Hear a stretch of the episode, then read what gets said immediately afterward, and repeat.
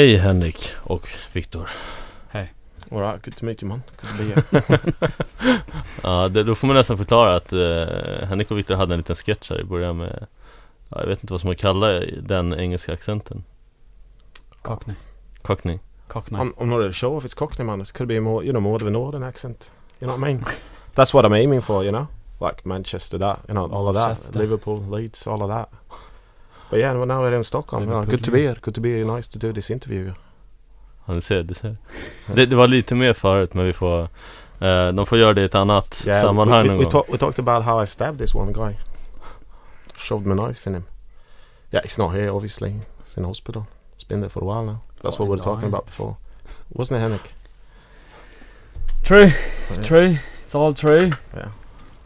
Okay, why did you stab him? Oh, it's- oh, I can't, I can't say, can't say, but just let, just let you, all of you know, everyone listening, like, Didn't if, like if his you, fucking jacket, did no, ya? no, I fucking hate his jacket. You know, like, I want to tell you, everyone listening, like, if you come up to me, I'm gonna fucking stab you. That's what I'm gonna do. Sorry about saying fucking and you know, I hate it, but it's a pretty fucking good word, isn't it? So you're, It's so you're kind of a badass? Well, you know, you said it, not me, not me, did I? I okay, this is Okej. Ja men det är jättekul att ha dig här i alla fall. Och Tack så jättemycket. eh, jag tänker att vi ska, ja vi kör ju här på i typ en timme, en och en halv timme.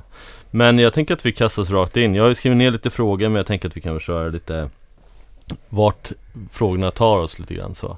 Men jag är ju nyfiken på alla jag träffar, lite så här, hur ni växte upp, alltså var, hur uppväxten var och nyanserna från barn till vuxen.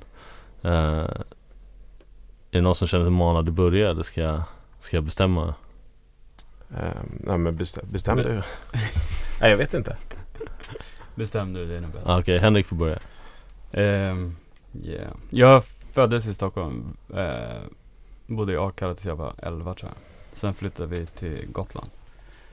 Eh, Vart på Gotland? Visby. Okej. Så jag var där tills jag gick ut gymnasiet. Ungefär.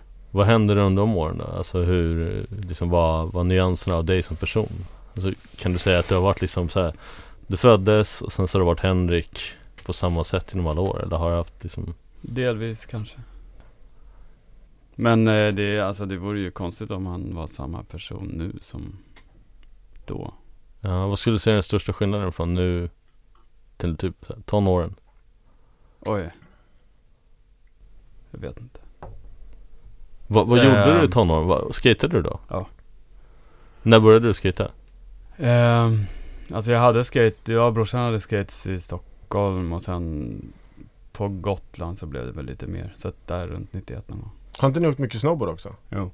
Vad, hur åker man snowboard på Gotland? Det är, man får knuffa varandra. I stort sett. Vi började göra handrails och sånt där jävligt tidigt innan det liksom blev en, en grej. Så Ja. vi, körde, vi åkte snowboard som och körde skate liksom. Ah, okej. Så eh, vi, eh, man- Nordegravar. Det finns någon lift på Gotland, eller hur? Eller fanns? Nej fanns någon gång, jag fan där har jag aldrig varit. Okej. Men, men kan man säga att eh, miljön på Gotland eh, liksom tvingar det lite in i att åka snowboard på ett annat sätt än Ja.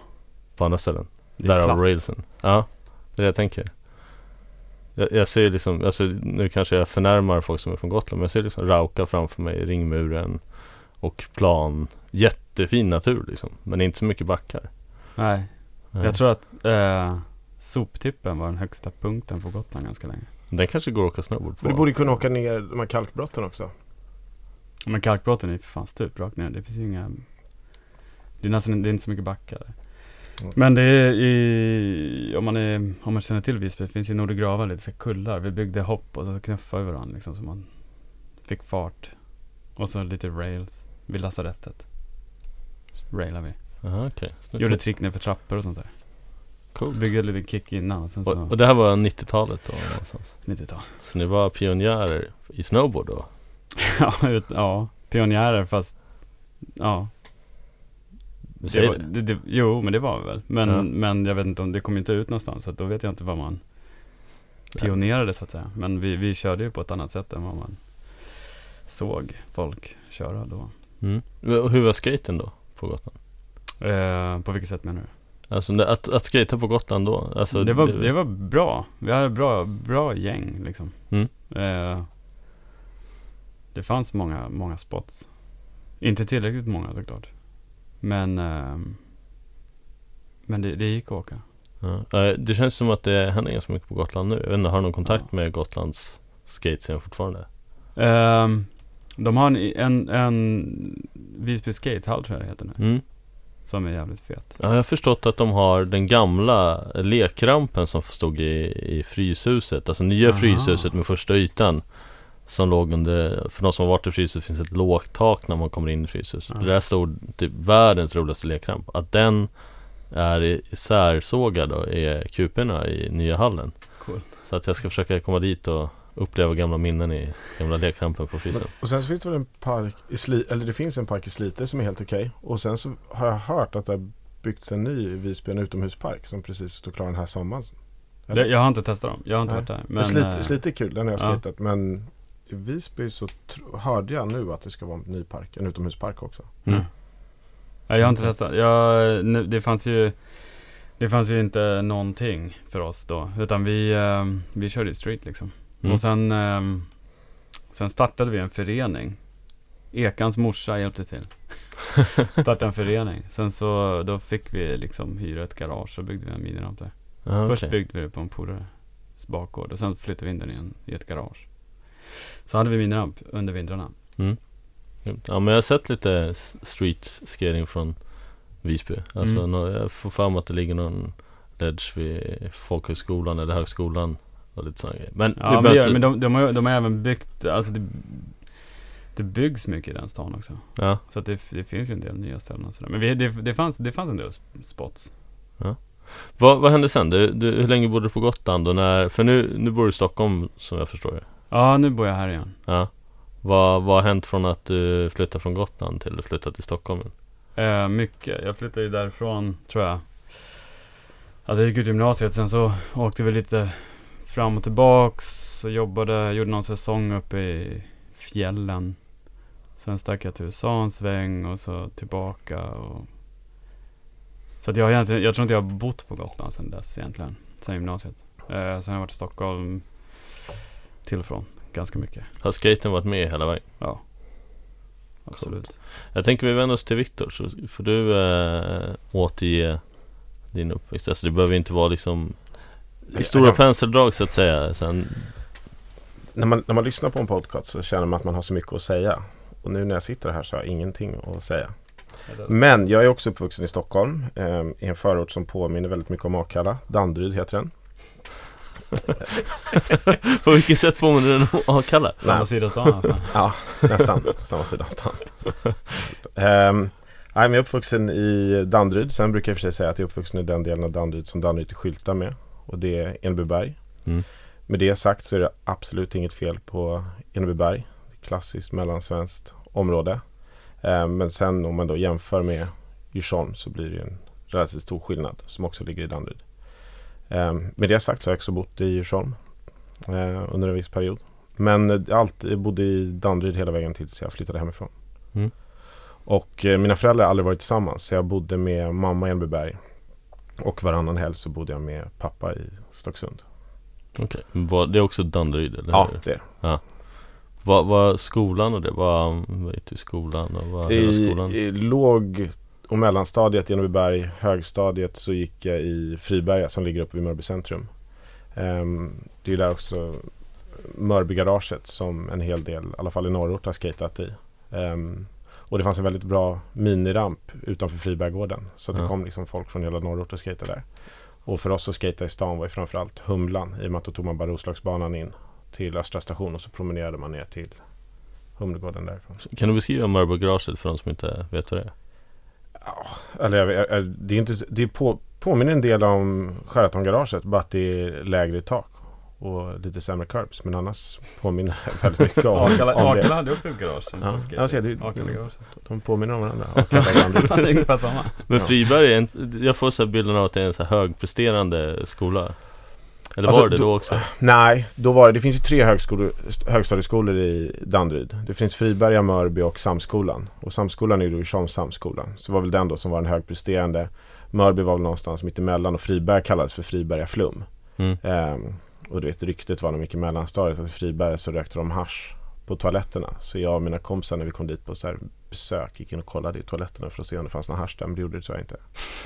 Hur var det sen när du gick där? Ja men det var, det, Friberga var stökigare än både Mörby och Sammis. Eh, eh, så att liksom det levde upp till ryktet. Nu har Danderyd har väl alltid varit relativt, relativt homogent. Eh, men nu är det väl jätte, jätte homogent. Nu är ju liksom Enebyberg också en väldigt integrerad del av Danderyds kommun, vilket inte var på det, det var inte på det sättet när vi växte upp. Att det var inte förrän jag började i högstadiet gymnasiet som jag fick frågan första gången vad dina föräldrar jobbar med. Vilket är en relativt vanlig fråga i Danderyds kommun. Konstigt Mm. nog. Och och är det det som så här, folk gör för att särskilja varandra? Nej, det tror jag inte. Jag tror det bara det, det är... Alltså, om man ska prata om... Det blir- ja, det blir annorlunda. Men om, man ska prata om klassamhällen. Jag tror inte... Ett, ett klassamhälle, det, det bygger inte på att jag växte upp med folk som hade en pool hemma. När gick, inte, inte då i Enebyberg, men när jag sen gick i gymnasiet så gick jag i en gymnasieskola som heter Viktor Rydberg som verkligen är en högpresterande gymnasieskola. Det är inte det som särskiljer mig och någon som är uppväxt i en, uh, en, i en annan förort. Det som särskiljer är att alla som gick i min skola, eller kanske inte alla, men 90% av de som gick i min skola, hade frågat vem som helst om de kan bli vad de ville så hade absolut alla sagt ja. Så här, kan du bli statsminister? Ja, men det kan jag.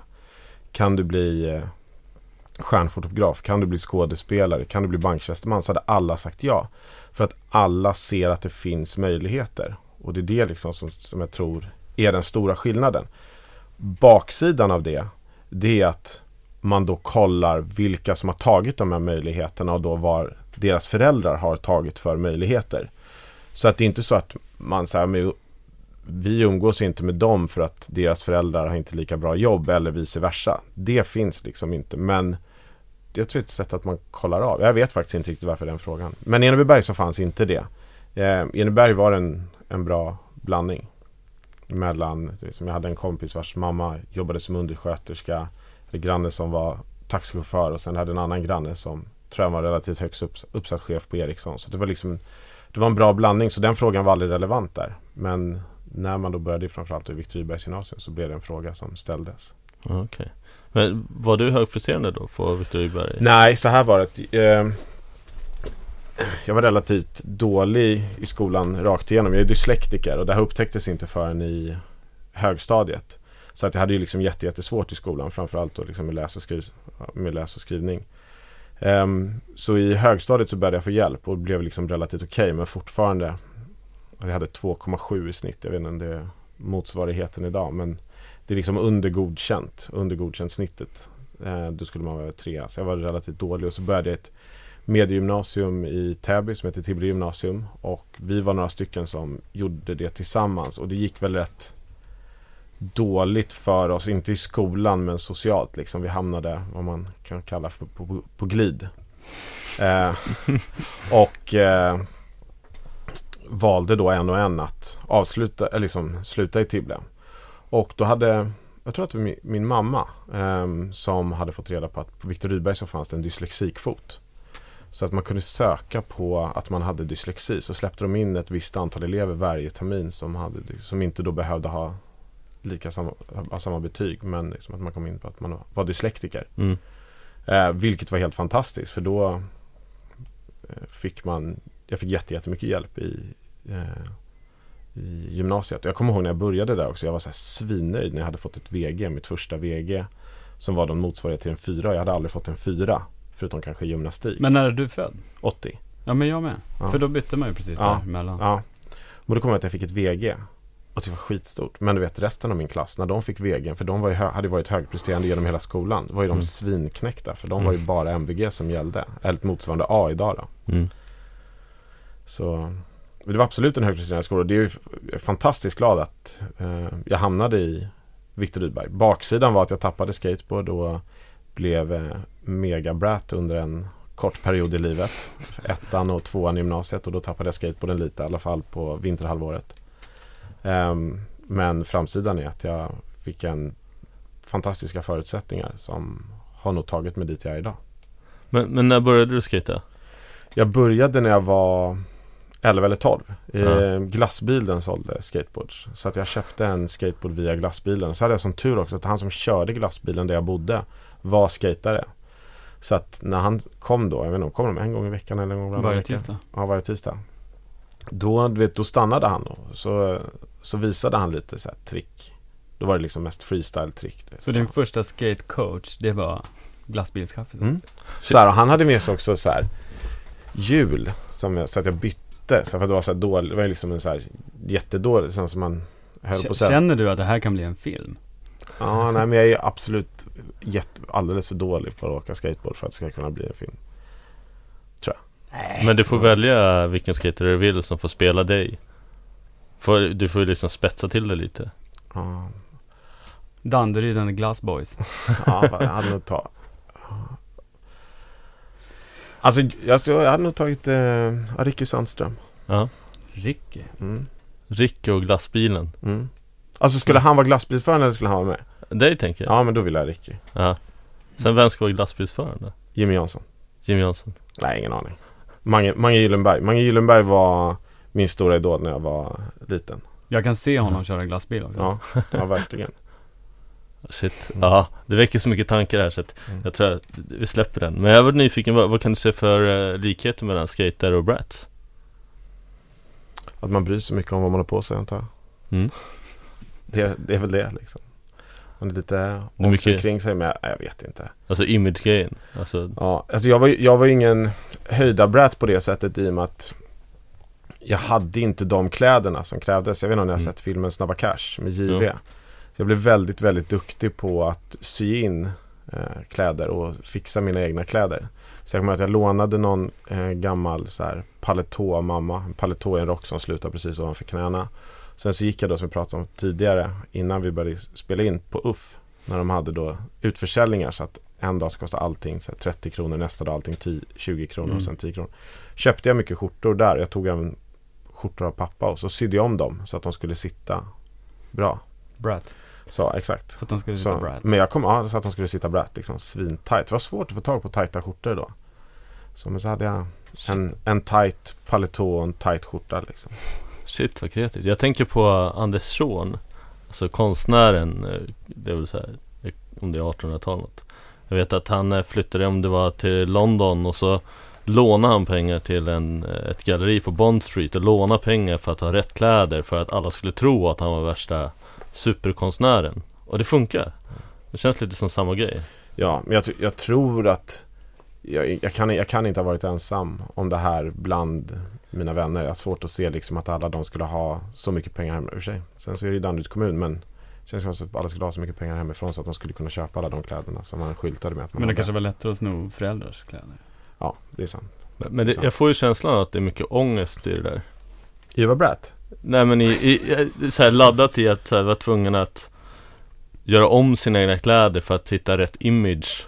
Jo, men, det, men så är det väl i alla subkulturer. Att generellt när du är i den åldern, högstadiet, gymnasiet, så är det väl, det är väl förknippat med väldigt mycket ångest. Alltså för mig var det fantastiska år. Jag hade hur kul som helst. Eh, liksom den enda ångesten jag har över att jag var bratt, det är väl när jag ser bilder idag tycker att det är lite pinsamt. Men då hade jag ju fantastiskt roligt och jag hade roligt genom hela högstadiet och gymnasiet. Men det var ju förknippad med en viss ångest. Man försökte ju hitta sig själv och man försökte liksom ta sig in i olika subkulturer och så vidare. Och då är det väl att man håller på och bygger upp sin image då även då via kläder. Men det känns som att det i allra högsta gr- grad går att applicera på skateboard också. Absolut. Att vara rätt. Så. Men Henrik, vi, vi sa inte så mycket om din skolgång. Hur var, hur var den för dig? Eller vad, vad, vad hade du för ångest i skolan? Ja, var ska vi börja? ja. Nej men jag, eh, alltså det som hände var fan, jag började femman där nere. Och eh,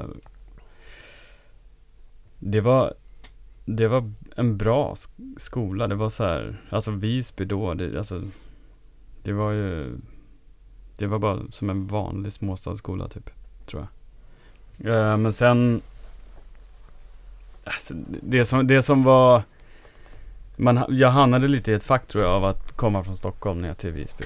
Då, då skulle man vara ganska tuff tror jag. Många räknar med. Sen kom, ja.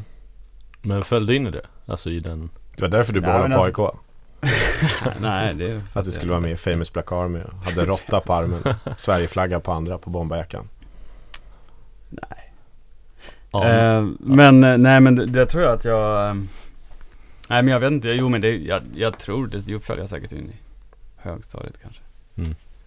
Men samtidigt så, alltså, det fanns... Där, där tror jag kanske att skate räddade mig lite grann från det.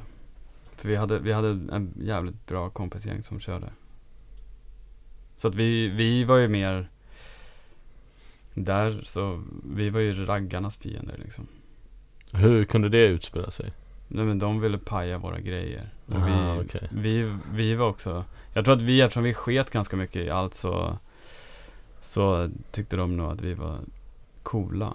Och då skulle Ah. inte vi få vara med och finnas i Aha, den stan. okej. Så då tror jag att det, det var ju så här, skate mot raggare, det är liksom, Det är som skate mot kickers i Stockholm. ja men lite grann så kanske. Det kanske Faktiskt. finns i alla miljöer där det finns skatare, att det är några som hatar. Ja. Men det är, men eh, nej men jag tror att jag kanske, jag föll kanske in i det där. Jag, alltså, men sen var det mycket annat som jag försöker dölja med att växa upp i en småstad och ja, från mig själv. Är det något du vill lyfta här eller? Nej men vad fan alltså så sexualitet och sånt där. Det är ju klart att sånt spelar in. Men det är ganska känsligt oavsett såklart. Och Ja, sen det, kan går, det vara det, på olika inte, att- det sätt går liksom. inte att, det, det ska man inte ta ifrån någon. Det spelar ingen roll vart fan de är uppvuxna. Det var ju en fråga då speciellt också, 90-talet. Många jävla nazister överallt och skit. Känns Som lite, nu. Ja, eller, jag tänkte precis säga det. Ja. Det känns som nu fast Mm. normaliserat på något sätt. Men det, är ju, det går ju framåt det också. Men då, Ja. det är klart att eh, allt sånt, tror jag, ja. Ja. Det, Ja, finns, det finns saker att gräva i där som jag, ja. Vi tar det i ett annat avsnitt och så behöver vi inte fokusera på normaliseringen av nazism heller för det blir också ett helt eget avsnitt. Ja, Eh, vi har ju redan eh, nämnt NMR här förut och en Ja, vecka efter så hade Fryshuset någon slags påhälsning av NMR. Så jag vet Jaså? inte. Ja, ingen aning om det hänger ihop. Eh, vad inspirerade er till att åka skateboard när ni började? alltså när jag och brorsan fick våra skates på, det måste ju liksom ha varit på 80-tal, sent 80-tal någon gång tror jag. Så vet det fan vad det var. Då var ju jag ung. Brorsan också. Barn. Så jag vet inte, men det finns väl, det, alltså, jag tror att alla som skater har ju någonstans liksom lockats till det av, av någonting. Men jag har ingen aning om vad det kan vara då. Jag tycker det är många som lyssnar Polisskolan 4 eller vad om det jag tror det är Polisskolan Tony 4 Hawk och som åker. Nej, jag, har- Nej. jag har inte den där, jag har inte den här um, Jag vet inte, jag har ingen, ingen förebild innan jag började åka skateboard som fick mig att börja åka skateboard. Sen när vi flyttade till Gotland så Alltså skateboard var, var inte Jag tror inte det var någonting som vi gjorde mer än att vi åkte runt i, i området liksom, sparkade omkring med någon konstigt formad bräda liksom. Men sen på, på Gotland 91-92 när det var så Då tror jag att, att vi snabbt, jag och brorsan var ju liksom, vi, vi kände ju ingen där, knappt varit där innan liksom. Så att då vet jag att vi ganska tidigt så här sprang på några som, som knuffade runt på bräda och då var det så här, yes, vi hänger. Så att och efter det, jag menar, Video Days kom ut 91, har jag för mig. Jag vågar inte säga årtal, Så där tror jag att jag så här direkt, eh, jag tror att Video Days kom 91 och då Mm. tror jag direkt att det var så här, fuck yeah, Mark Gonzales. Mm. Ja Och men det, med låter som Så att efter det så tror jag att 91. det, alltså det Så att då tror jag att jag, jag skapade nog mina skate-idoler medans jag själv började skata på något sätt. Mm. Men vi var också, alltså när man växer upp på en ö sådär då, då var det ju, det var ju, det, alltså vi kunde ju inte sticka till frysen och typ såhär wow, liksom, han var duktig, Mm. high five. Utan det var ju bara att titta på filmer, åka själva, hitta på saker. Konstiga saker att åka på typ. Så man fick influeras av filmer och sen göra det själva. Vi gjorde ju mycket film också då, skatefilm. Är det några som ligger ute? Nej, jag tror inte. Det vore ju kul. Och- Jag, jag vet inte ens om de är digitaliserade. Det här var ju Nej. innan det. Vi gjorde ju, vi satt och klippte mellan VHS-band och sådär också. När Mm. man fick liksom, ska man ändra någonting fick man klippa om allting efter det också. Mm. Ja, de där VS-banden som ligger på vindar lite här och Ja. där, det är lite frustrerande ibland. Mm, det fin- de, Ja. de finns ju någonstans liksom. Ja. Men det var kul, det var jävligt kreativt också. Passa, passade mig jävligt bra. Mm. Alltså skateboard överhuvudtaget är en väldigt, ett bra kreativt verktyg. Ja, jag tänkte vi ska återkomma till det. Men Viktor, vad inspirerade dig till att börja åka skateboard? Eh, Fan, det var glassbil. glassbilen. ja, jag var, glass, jag var, jag glassbilschauffören. Ja, Så jag tror han pushade på det.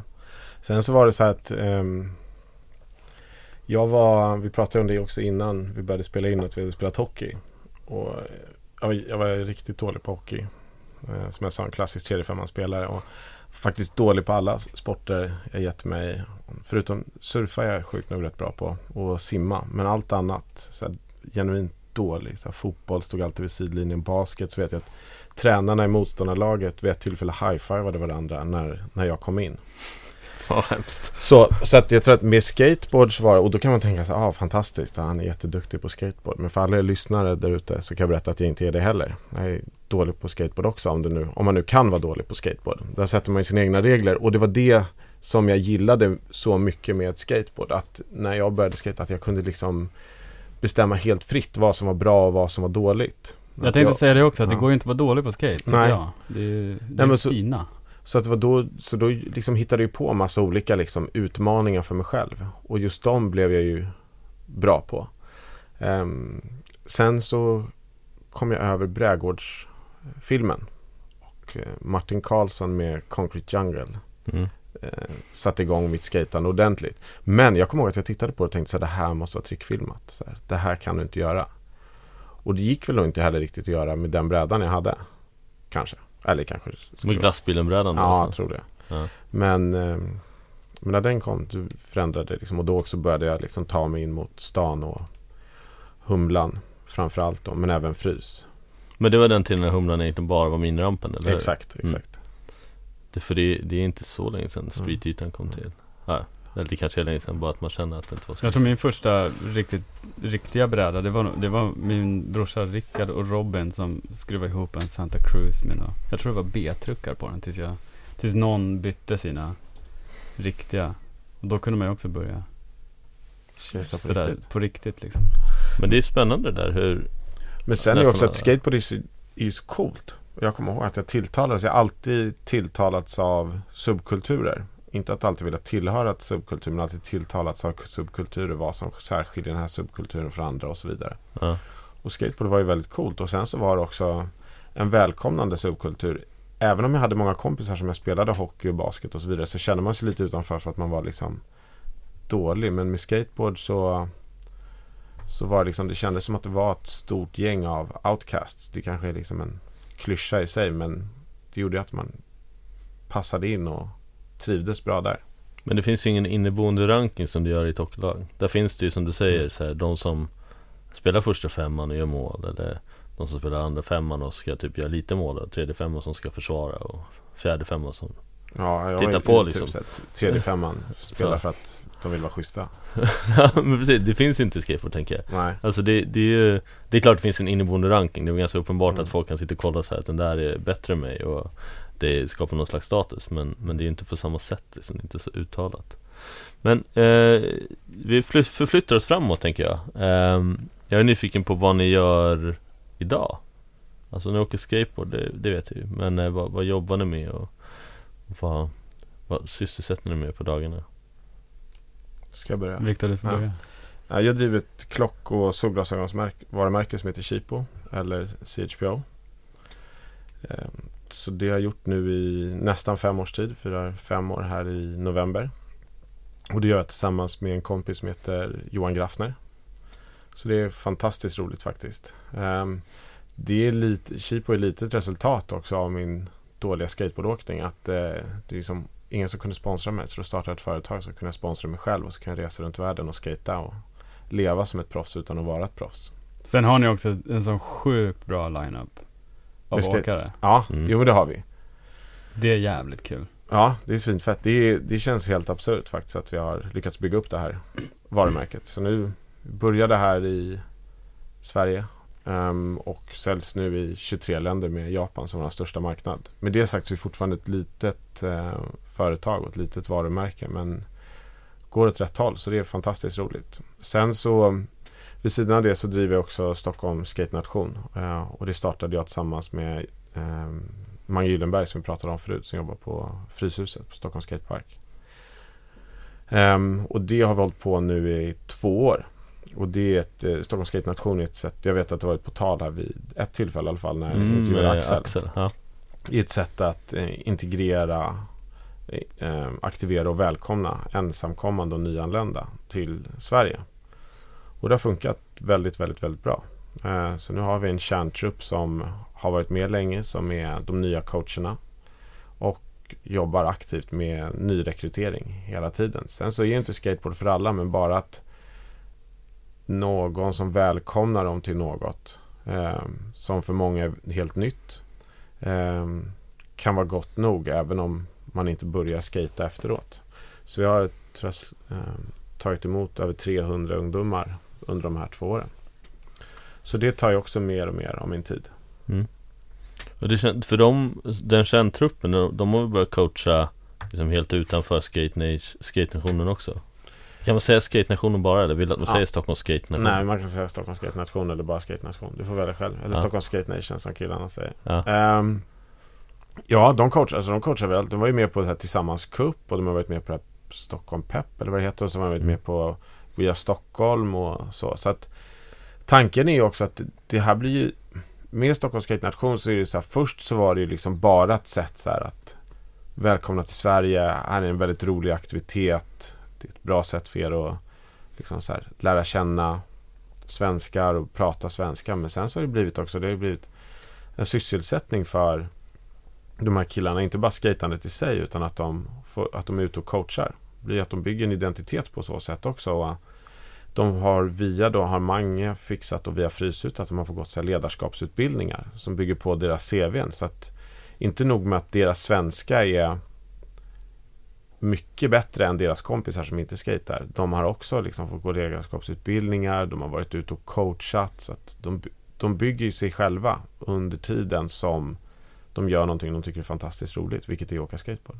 Det, det låter ju som att den satsningen har lett dit man vill att en sån satsning ska Ja. leda. Just att de faktiskt träffar etablerade svenskar på Mm. ett helt annat sätt än vad kanske många ja, Jag ska inte raljera över integrationssatsningen men det känns som att de ibland fastnar i att det bara är nyanlända och eh, ensamkommande som gör något ihop och så kommer inga andra, alltså Nej. möter inga andra liksom. Men här har de verkligen gjort det.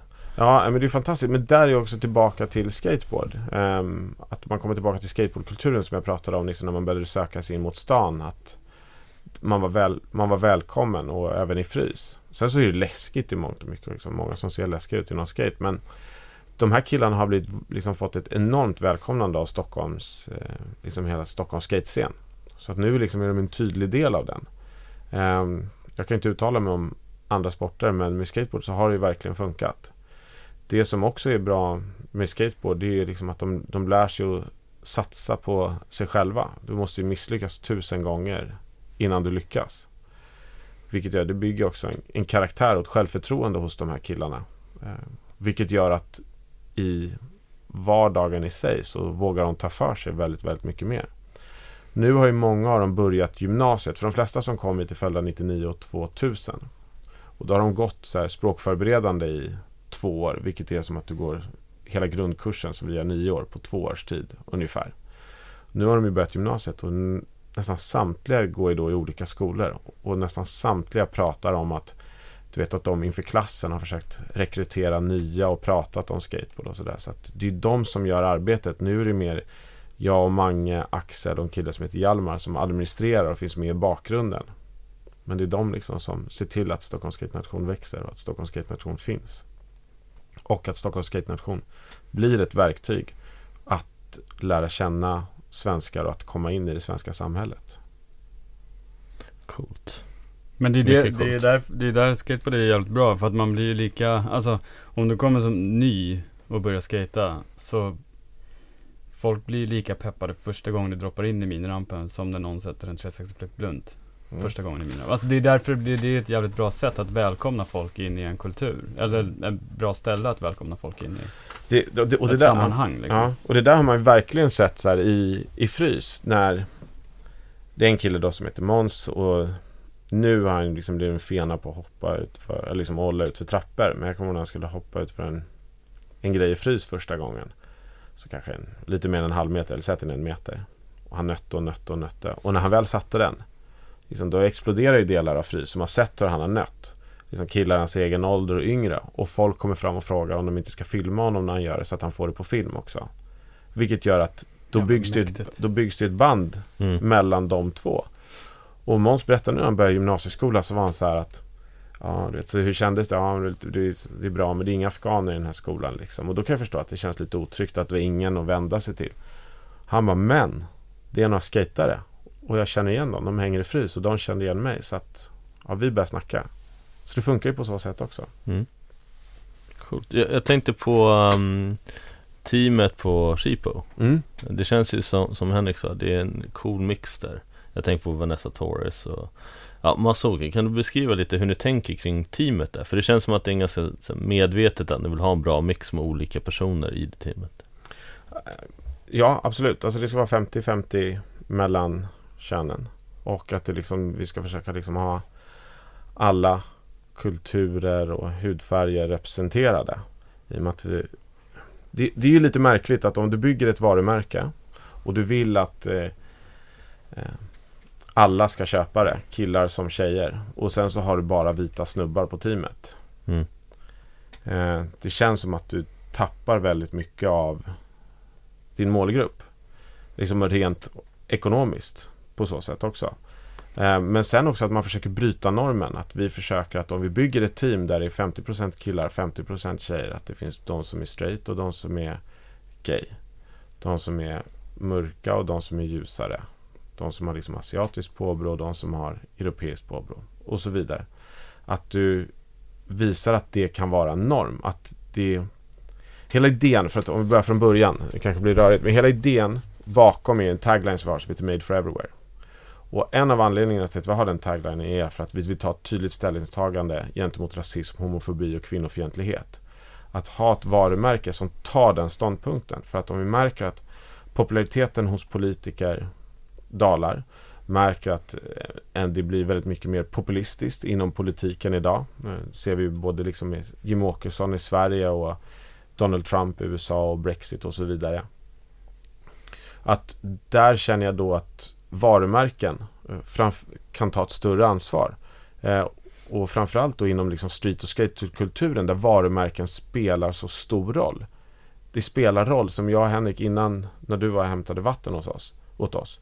Så pratade vi om att Henrik hade på sig en anti-hero-tröja och sa vad innebär att ha en anti-hero-tröja? Så började vi skoja om liksom alltså att ah, men du, du ska göra bowl och sen ska du sova i den Du ska, du ska skata bowl och sen ska du sova i den bowlen och så ska du gilla elda saker, att det ska vara mycket eld, att det ska vara öl och det ska vara truckerkeps och så vidare. Så man läser in väldigt mycket. Och det gör vi i skatekulturen, i subkulturen skateboard så tittar vi väldigt mycket på varumärkena. Så här, okej, han har det. Det betyder att han är en sån. Och hon har det. Det betyder att hon är en sån. Och då kunna bygga ett varumärke som är så här, både coolt men står för någonting positivt. Så att vi har ett team där vi har Nuge som kör för Baker. Ehm, och så har vi Vanessa Torres. Och så har vi Beatrice Dumond och här i Sverige så har vi Nando och Sara. Det är alla de här alltså svincoola personligheterna. Men som samtidigt står för någonting bra. För de representerar ett varumärke som säger så här. Nej, det är inte okej att vara rasist. Det är inte okej att vara homofob. Nej, det är inte okej att vara kvinnofientlig. Med det sagt så kan jag fortfarande liksom man kan vara cool samtidigt som man är snäll. Förstår ni vad jag försöker mena? Mm. Eller vad jag försöker säga? Ehm, Det kan vara punk och snäll samtidigt. typ. exakt, ja, Ja. exakt. Coolt. Jag tänker vi flyttar ut till, till Henrik. Vad, vad gör du på fritiden höll jag på att säga, men det kanske är ihop flytande. ganska Ja, precis. Vad, vad, gör, vad jobbar du med? Vad liksom sysselsätter Jag jobbar som fotograf. Alltså filmfotograf då. med? Vad, eh, om du fick bestämma helt fritt Mm. och glömma ekonomiska hinder. Vad skulle du vilja filma eller fota? Jag, jag, jag tycker musikvideos är jävligt roligt. Mm. Det, Oasis forever mate. eh, Stone Roses are pretty fucking good as well. man. Roses. eh, nej men, eh, jag tycker musikvideos är jävligt roligt forum, jag tycker det är kul. Fucking hate Blair, don't I?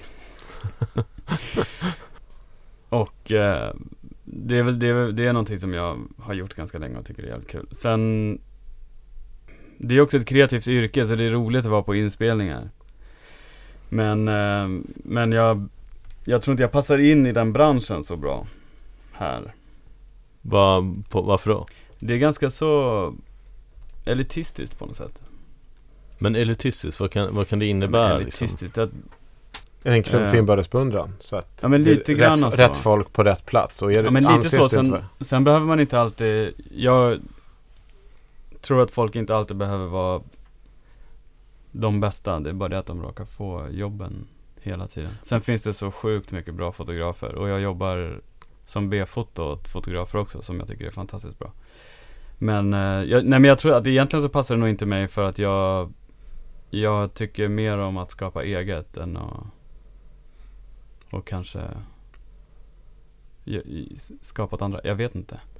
Men, men så att det du skulle hellre egentligen vilja ha möjligheten att göra din helt egen idé Alltså realisera din egen idé mer än att realisera någon annans idé Ja fast det stämmer inte heller för det kan vara jävligt kul att göra, alltså att sätta bilder på någon annans tankar också. Ja, Men jag, jag, jag vet faktiskt inte varför jag, varför jag, varför jag vantrivs inte heller. Men jag så här, funderar på att man kanske ska göra någonting annat. Men jag har alltid liksom varit någonstans en liten stund och sen går jag vidare någon annanstans och sen, ah, okej du är på väg någonstans då ja men kanske.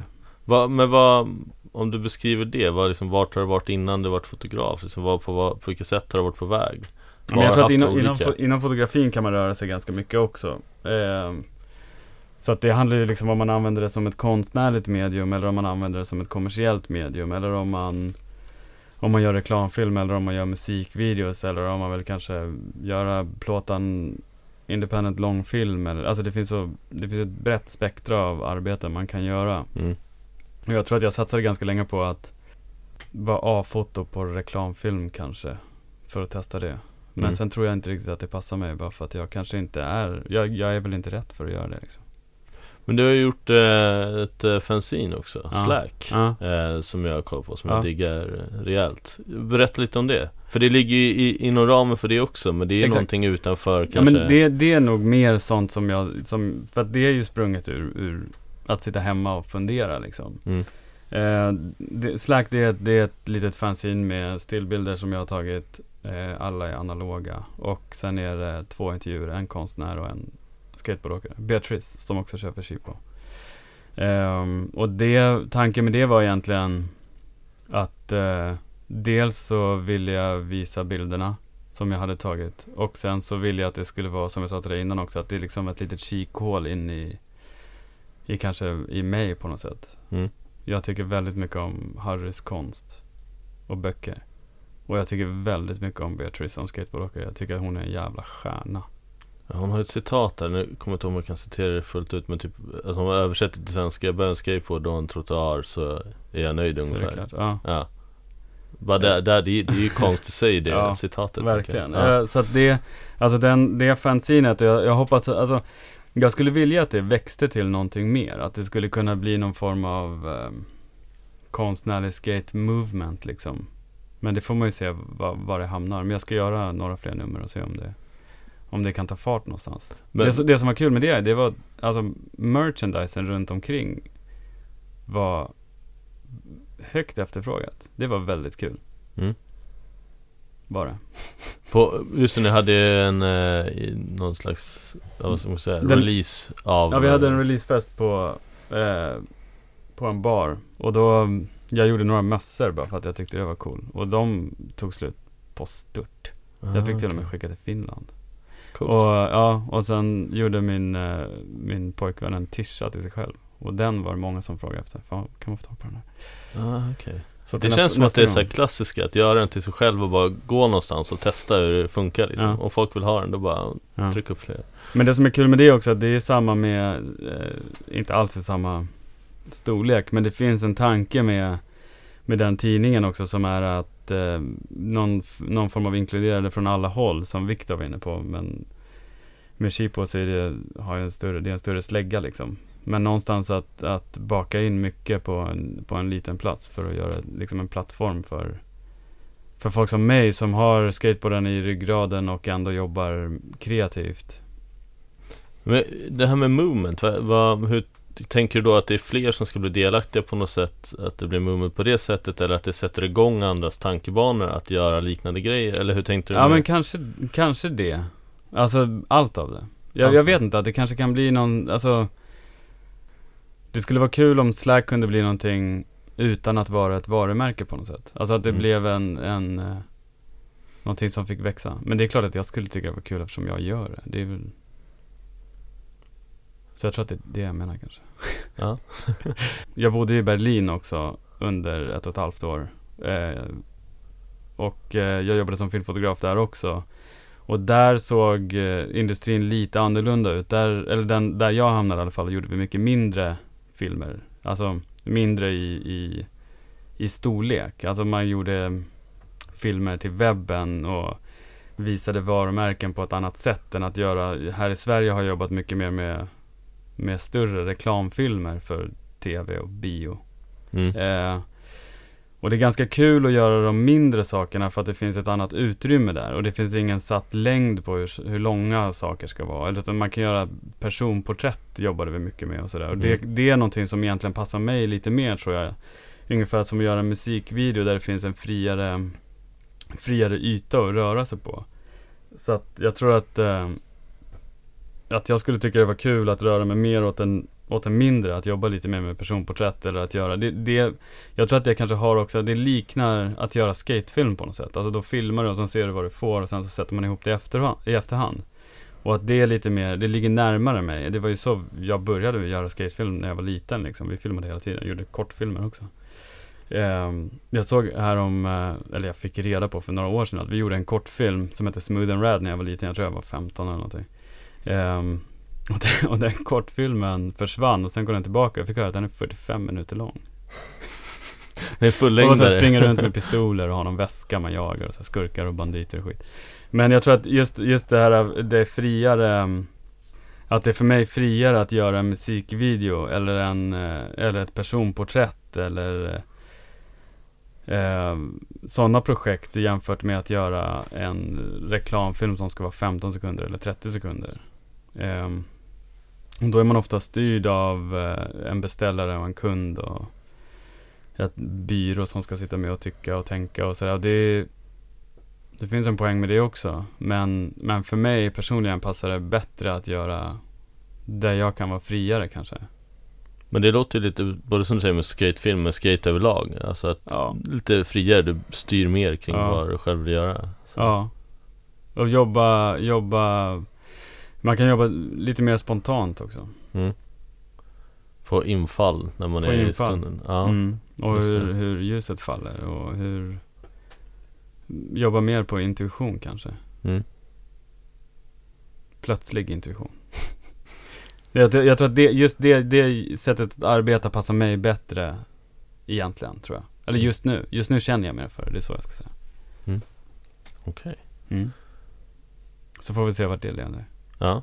ja, jag hade ju tänkt att du skulle prata om vad ni gör om 30 år Men jag tror vi väntar med den och glider in på eh, Stolta skateboardåkare Mm. Och vad Ni kan få berätta vad det är för någonting Jag har hängt med tre år, eh, kunde tyvärr inte i år Men eh, berätta ni, vad, vad är Stolta skateboardåkare?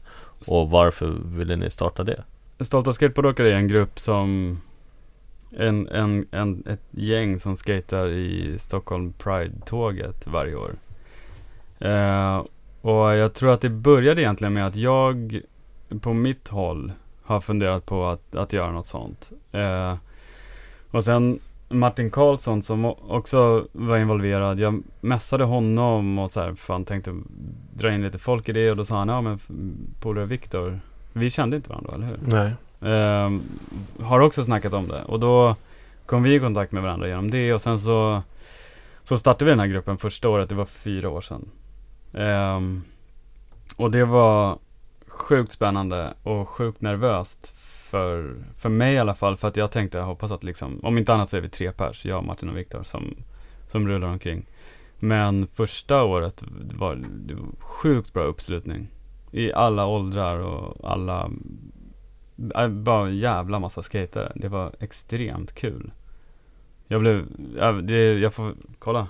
Gåshud. Mm, jag När jag snackar om det. För det Ja. var, det var, det var rörande stort pådrag då. Och fruktansvärt kul i tåget och eh, ja, det, det, var, det, var, det var en jävla upplevelse faktiskt att vara med då tror jag. Det var det verkligen. Det var svinfett. Jag vet inte om man har sett den här filmen Warriors. När Mm. de olika gängen kommer.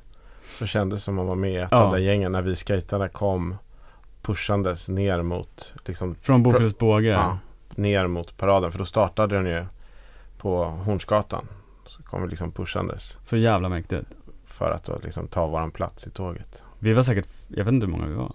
40-50 pers. 40-50 kanske. pers. Ja. Det låter ju mycket liksom. Mm. 40-50 skatare som rullar på en kass Mm. asfaltsväg liksom. Det var övermäktigt. Ja, Jag, kom, jag anslöt vid Hornsgatan då. Ja. Och kom ihåg eh, sen när, för jag visste inte heller hur många som skulle vara med. Jag tänkte också att det kanske 10 pers liksom. Sen, då började Så- också det här, det här när, för att det splittrade sig upp alla på vägen ner, man kom lite olika fart, och när man började hålla upp skaten också för att samla ihop alla liksom. Mm. Mm. Det var också jävligt mäktigt, så folk började liksom hålla upp skaten i luften så här. Det kändes jävligt gäng.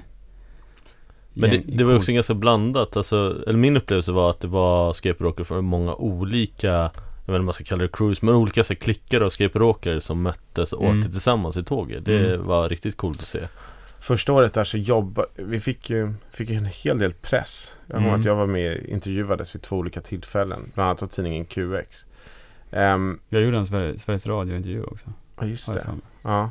Så att, och vi jobbade väldigt aktivt med att nå ut till personer från olika gäng att dyka upp. Mm. Ehm, sen de här senare åren så har, vi, har det blivit att man gör det mer på rutin. Att man liksom så här, det, blir, det är en kärntrupp som dyker upp och sen så är det några som försvinner och några extra som kommer. Och så har vi varit då, det var väl då vi var som mest, eller eller om det var förra året var vi jättemånga också. Då var det Mm, också mm. nästan 50 stycken. Så, men då hade vi lagt ner väldigt mycket jobb på att det skulle vara en liksom, bra blandning av personer. Liksom. Att, eller bra blandning av personer. Vi såg till att bjuda in alla. Att, liksom, att ingen skulle vara exkluderad ifrån det. Och fortfarande är ju alla, in, alla skatare inbjudna. Eh, det är bara att vi inte jobbar lika hårt med inbjudningarna längre. Att vi tänker att det ska liksom leva sitt eget liv. Ja men det känns som att det är många som ändå bjuder in på sitt håll så att Mm. säga Alltså från ja, föreningar Mm. eller cruise eller så sprider Att det har fått liksom en egen Det blir som en rörelse liksom i det Eh, I år krockade det med några skateboardtävlingar tyvärr. Så det var Ja. ju liksom många liksom, de bättre skaterna i Stockholm som inte kunde vara med som alltid annars har varit med. mm. Men hur kom det sig att ni startade? Vad liksom var själva Varför ville ni starta det? För min del så var det att ehm, jag har ryskt påbrå.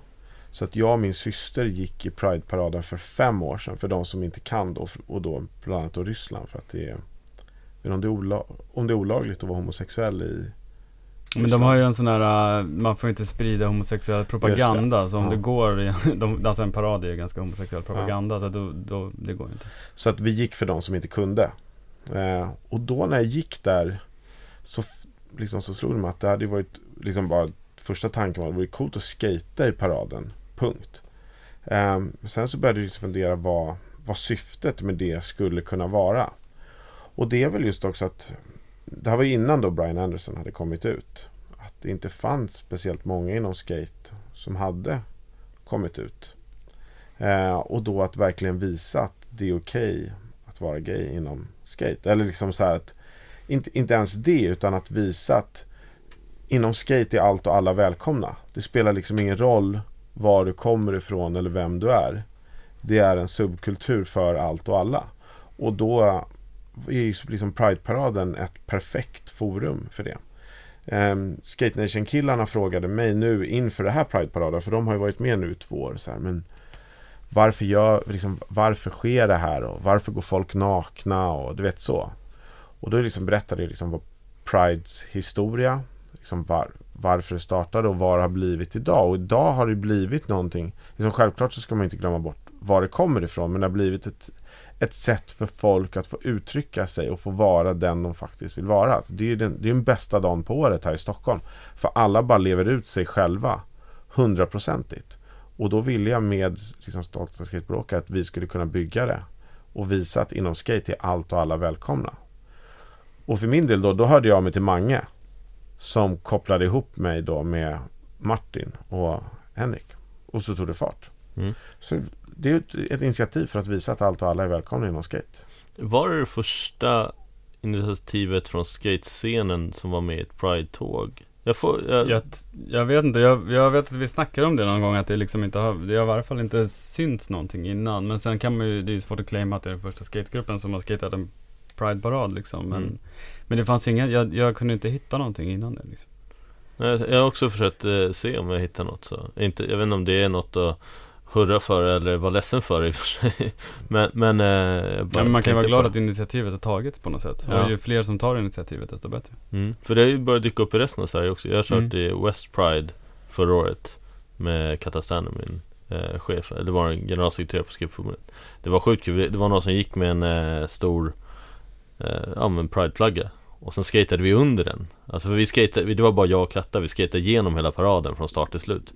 Så skrev vi under den här flaggan och folk var helt galna. Och det var första gången jag fick så här, applåder och jubel för en ollie över en liten tågräls. Så man kände sig så sjukt bra, det var coolt. Och jag, jag tänker den reaktionen från folk som står och kollar när vi har skatat genom paraden, den, den är ju väldigt cool. Det känns som att den är väldigt uppskattad av folk runt omkring. Hur, hur upplever ni det, alltså när man åker igenom paraden? Ja, det är mäktigt alltså. Det, det, jag tror att, alltså, jag vet inte riktigt hur, jag hoppas att alla grupper känner likadant. Men det, det, det, många blir jävligt peppade när vi kommer åkandes där. Jag vet att Aftonbladet skrev om det första året också tror jag. Att Aftonbladet nämnde liksom stolta skateboardåkare. Men eh, det är, en, det är en enorm känsla. Jag rekommenderar alla att eh, vara med när vi kör igen nästa sommar. För det är att stå, att skata den här paraden. Först liksom paraden i sig är väldigt rolig att titta på. Men sen också att då vara en del av den och precis som du nämnde här med, här med jublet liksom att, att man, var man liksom genom hela Stockholm så står folk och applåderar och jublar åt den. Det är en, det är en bra magiskt. känsla. Jag är lite, lite narcissist också så jag älskar det. det är klart. Men, men det är lite kul, jag, jag bara kommer att tänka på, för Göteborg har ju varit skateboardåkarparaden, sen vet jag Växjö, Varberg, sen är det säkert fler som inte jag kommer på nu. Tänker för de som lyssnar kan du bara slänga upp klipp från när ni har kört era Kört i tågen från runt om i Sverige eller utomlands Eller bara söka, jag tror det finns den här hashtaggen stolta skateboardåkare. Jag vet att jag har gjort det på Instagram. Ja, så Ja. kolla på Instagram, hashtag stolta skateboardåkare. ja, Den kanske är det okej för eh, andra städer än Stockholm att använda den hashtaggen Absolut. Ja, det är klart. Det vore ju gå coolt med, det finns en Facebookgrupp också. Ja. ja. Där kan man gå med. Det vore ju coolt Bara det kan vara det är som en. Det är där all info, Ja. går, ja, info går ut också. Så att det blir något samlat så eh, Och sen kanske sprids i hela Europa Ja, man kan USA. varmt, ra- varmt rekommendera att komma och vara med också. mm. Om man funderar på det. För det är som du säger, det är en magisk känsla. Och jag tror att det, det ligger liksom i det att Alltså folk applåderar ju och jublar för att de tycker det är kul att se. Men sen tror jag också att de gör det för att de tycker att det är kul att se att vi visar att det är okej. Mm. Alltså våran slogan från början har ju varit visa att du inte bryr dig liksom. Och det, jag tror att det är det som Jag vet inte, den, den känslan stärks av liksom folks jubel, jubel och applåder på något sätt. Jag, jag tänker också att det kanske bryter en del, jag vet inte om det fortfarande hänger kvar med stereotypen av vad en skateboardåkare är För alltså allmänheten tänker jag Mm. Eller jag, jag har nog bilden i alla fall att Stereotypen är någon som är ganska så här macho, Va? hård Ja, en helt det- annan. ja, en helt annan ja, jag, också. jag tänker att folk säger ah, där kommer skejtarna, att det är liksom ett naturligt inslag. Ja. Ja Men- nu ja, men jag tänkte första gången Nej, men jag... jag, Ja, jag har, aldrig, inte, jag har jag- aldrig sett det på det sättet faktiskt heller. Att Men- det är så macho. Nej, inte jag heller. Men det, det är också som är så, det är så fett att om du har då en kille som skater eh, ja, i Stockholm eller någon annanstans i Sverige och så ser de att Jesper Lind eller David Jakinda eh, är med i Pride-paraden. Så blir det så här som de då liksom följer kanske på sociala medier eller liksom har sett filmer de har varit med i och så vidare. Att visa sig, okej, de bryr sig inte de tycker det är, är hur lugnt de är gay eller inte. Att då, om man då är på väg ut att alright, men tycker Jesper Lind att det är coolt, då är det coolt liksom. Eller, att, man, att man kan skicka de signalerna mer också.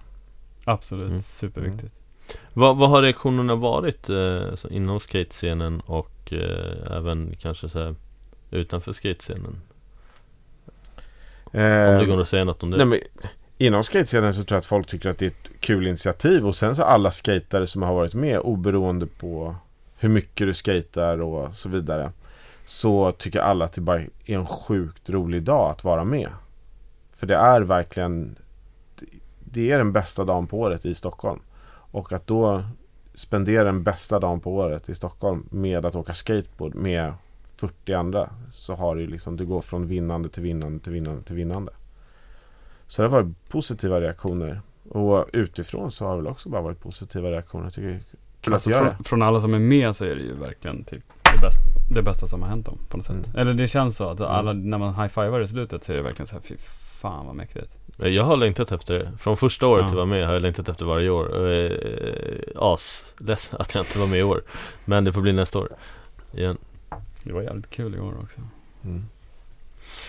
Men eh, jag tänker på just eh, med skateboard generellt. Eh, hur ser ni på skateboard som ett sätt att skapa förändring? Eh, bo, alltså jag tänker både i scenen, alltså att använda initiativ för att skapa förändring i själva skateboardscenen, men också i samhället i stort. Hur ser ni på skateboards liksom, förmåga där till det? Jag, jag vet inte, men, men skateboard har ju alltid varit någonting som är ganska Alltså skateboard har jag alltid sett som coolt Alla vill ju ha skateboard med i någonting, speciellt nu kan man ju se det i allt Jag menar IKEA-katalogen har ju liksom skateboard som står lutade mot väggen och Jag De gjorde till och med egna skateboards. Ja, de har gjort den ja. De gjorde egna skateboards. De gjorde också en, så här, ett skate rack. Som tog slut överallt direkt för att jag ville ha det. Det var ett rätt fiffigt litet liksom så här Ja, rack där du såg kunde det. hänga dina skateboards liksom i ja. Och det fanns för skor, det var skateboard och skor, man kunde ha liksom allt samlat tror jag. Ja, jag tror det. Ja, men Ja. det, var, det var rätt Ja. fiffigt gjort. Men precis som du säger, alla ville ha. Ja. Jag, jag fick en Lidl-katalog, där var det också en skateboard med. Ja, du ser. Ja. Och jag menar, Hermes har gjort reklamer med skateboard. Foppatofflorna har gjort. Foppatofflorna. Decathlon har sina egna skates. Jag Ja. menar, det är så här, skate ska ju vara överallt. Skate är ju någonting som är jävligt coolt. Och alla vet det. Så där tror jag att skateboard har en Alltså skateboard kan säga saker och folk kommer att lyssna liksom. Om man ser på det på ett sånt sätt. Så där tror Mm. jag att det kan förändra folks synsätt, få folk att tänka. Framförallt inom populärkultur så lyssnar ju folk på Mm. skate. Ja, exakt. Jag tänker på eh, att folk använder skate-märken och kläder. Jag tänker på Supreme, Palace, Trasher, alla möjliga märken. Eh, det ger ju också någon slags makt till skatescenen att skapa förändring. Nu kanske inte Trasher är någon som mest skapar förändring i samhället. Eh, min bild. Eh, kanske som en annan bild. Men ehm, vad ser ni för initiativ där internationellt som ni, finns det några som ni skulle vilja lyfta? Vi har lyft Sota Skateboard Rocker, Skate Nation det, fin- det finns ju många, men är det några som ni ser? Jag tänker Alltså Skate i stan är ju Ja. självklart. Ehm, Mm vi har ju haft ett fyra, eller har ett pågående samarbete med Skatistan och har jobbat med dem i fyra år. Det är ju helt fantastiskt vad de gör och för er som inte vet vad de gör så är det en Du startade i Kabul, vilket är Afghanistans huvudstad, eh, 2007. Eh, då bara som en skateboardskola, mer för att aktivera liksom alla de gatubarn som finns i Kabul.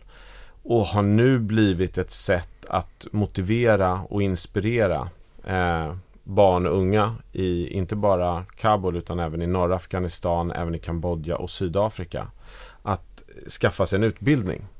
Och det är oftast då att eh, sådana som lever och är i en situation där de inte annars skulle ha möjligheten att få en utbildning så använder de skateboard som ett sätt, liksom, lite som krok, att få dem på kroken. Så här, kolla, så här, vi, vi skater, vilket är kul. Och sen på det så lägger man på så här, så ska liksom att man lär sig, att man går i skolan. Det är ett fantastiskt initiativ som har visat sig att det verkligen, verkligen funkar. De har över 2000 elever i veckan, över 50% är tjejer och på grund av Skate i stan så är skateboard den största sporten för tjejer i Afghanistan. Det har ju även spridit sig. Skatistan finns ju på Ja, Fler ställen. ja Kambodja och Sydafrika då som Mm. sagt. Eh, så det är väl ett tydligt, ett tydligt exempel. Sen så läste jag någonting annat som jag inte kommer ihåg namnet på nu, men en skatepark som finns i något flyktingläger. Som då liksom blir att i det här, det är ett jättestort flyktingläger som jag har förstått det och då eh, liksom, och de olika grupperna håller sig för sig själva, förutom de som skater. Då blandar man upp det. mm. Att det blir liksom ett integrationsprojekt så att det blir liksom någonting positivt i en relativt dålig vardag. Eller relativt, det är väl en... Det kan jag inte uttala mig om, men inbillar mig att det inte är den bästa av vardagen att bo i ett flyktingläger. Det blir ett positivt inslag samtidigt som du liksom integreras med andra kulturer. Uh, vilket är visar ju vilket fantastiskt Ja, punkt. Men, och sen har jag en sak till innan jag säger punkt. Um, att med det som är bra med skateboard um, Det är ju att Om vi spelar fotboll tillsammans och du är jätteduktig och jag är dålig Så kommer det inte bli speciellt kul för någon av oss men om vi skejtar ehm, Så spelar det ingen roll Som jag skejtar en hel del med Axel Lindqvist Som är fantastiskt duktig ehm, Så det spelar ingen roll att han är bättre Vi har ju fortfarande lika roligt Um, och där har ju också en skateboard en enorm fördel. Det är därför den här skateparken då på det här flyktinglägret funkar. Det är därför då Skate i stan funkar. För att allt och alla kan göra det oberoende av hur duktig man är. Men kan man säga då, alltså det är en del, alltså att alla kan göra oberoende hur duktig man är. Sen tänker jag det vi pratade om tidigare med att det inte finns någon rangordning däremellan heller. Det är liksom inte så att du rent socialt inte kan umgås med den som är bättre utan du kan fortfarande hänga med den och skate med den. Och sen mm. coolhetsfaktorn, alltså image. Att alla vill vara som skateboardåkare typ. Och det skapar en plattform för samhällspåverkan. Uh, jag, brukar tänka, jag brukar se skateboard framför mig som ett sätt att skapa en frizon för folk som kanske lever i ett samhälle som är ganska normativt och eh, kanske svårt att bryta, sig, bryta normer i. Alltså samhället är stort och skateboard kan vara en frizon för det. Eh, känns som det skulle kunna vara det. Eh, hur, och där tänker jag på nästa fråga för att eh, Jag har mött lite då och då så här folk som När man pratar om skateboard som ett sätt att skapa förändring och inkludera flera Att de eh, beskriver som att ja men Eh, vad, vad händer med allt eh, den skatekultur som vi känner? Alltså, och det kanske fria, radikala, anarkistiska Och då är jag nyfiken på, jag har skrivit ner en fråga här så, och då eh, Alltså det subkulturella värdet skateboard har Det ligger ju där någonstans i det lite rebelliska, fria, lustfyllda Men hur, eh, hur ser ni på det i relation till att skateboard var samhällspåverkare? Finns det någon motsättning där? Det kan det liksom finnas både och eller är det egentligen samma sak? Förstår ni frågan? Ja men alltså att vara samhällspåverkande behöver ju inte ha någonting med, med, med någon form av liksom, politiskt ställningstagande att göra. Alltså du kan ju påverka samhället utan att vara utan att göra ett politiskt ställningstagande. Om det var det du var inne på lite grann. Ja, men jag, jag tänker, för, eller jag kan ju beskriva hur jag tänker. Så, för det jag tänker är att det, om man ser skateboard som något som är punk anarkistiskt. Och för mig det som är punk anarkistiskt, det innebär ju att du ska kunna ha hur många olika uttryck som helst och det samlas under samma anda och du gör det tillsammans oavsett liksom vilket uttryck. Men det är ju precis det som är påverkan. Alltså förstår du, det är, där, ja. det är där det kan ha en positiv påverkan på samhället. Att det ja. finns en plats där, där man visar att allting är välkommet liksom. Och, och då tänker jag på de som är rädda att eh, när skateboardscenen börjar öppna upp sig att man ska tappa det fria radikala anarkistiska. Vad säger ni om det? Det fria radikala och anarkistiska kommer alltid finnas kvar så länge som det finns fria radikaler och anarkister. Liksom. Om man säger så. Mm. Alltså att det kommer ju bara komma nya grenar inom, inom subkulturen skateboard. Eh, så att jag tror att det absolut kommer finnas kvar. Eh, ja, det var, Men det är det som är mm. lite coolt, det vi snackade om innan också. När, du, när, när vi började kolla på vad vi har för kläder på. Så det, mm. Alltså bara det är ju liksom en Alltså man, som du säger, det kommer ju grenar inom grenen. Mm. Så att jag, jag, tror inte att, eh, att det är någonting negativt att skateboard öppnar upp sig. Det finns, kommer alltid vara de som ser till att just deras del är stängd. Då ska deras del få vara stängd. Så att jag tror inte det, det kommer påverka det på, på någonting eh, negativt. Liksom. Om man tittar på det här med OS och liksom den spontana reaktionen. Så ska skateboard vara med i OS? Nej. Um, sen om man tittar på vad det har gjort. Ja, men det har gjort att flera länder i, i eh, liksom un, utvecklingsländer har fått, de har liksom, där man börjat satsa på skateboard, bygga skateboardparker och så vidare. Vilket man vet har en positiv påverkan både på de som bor där och på samhället i stort.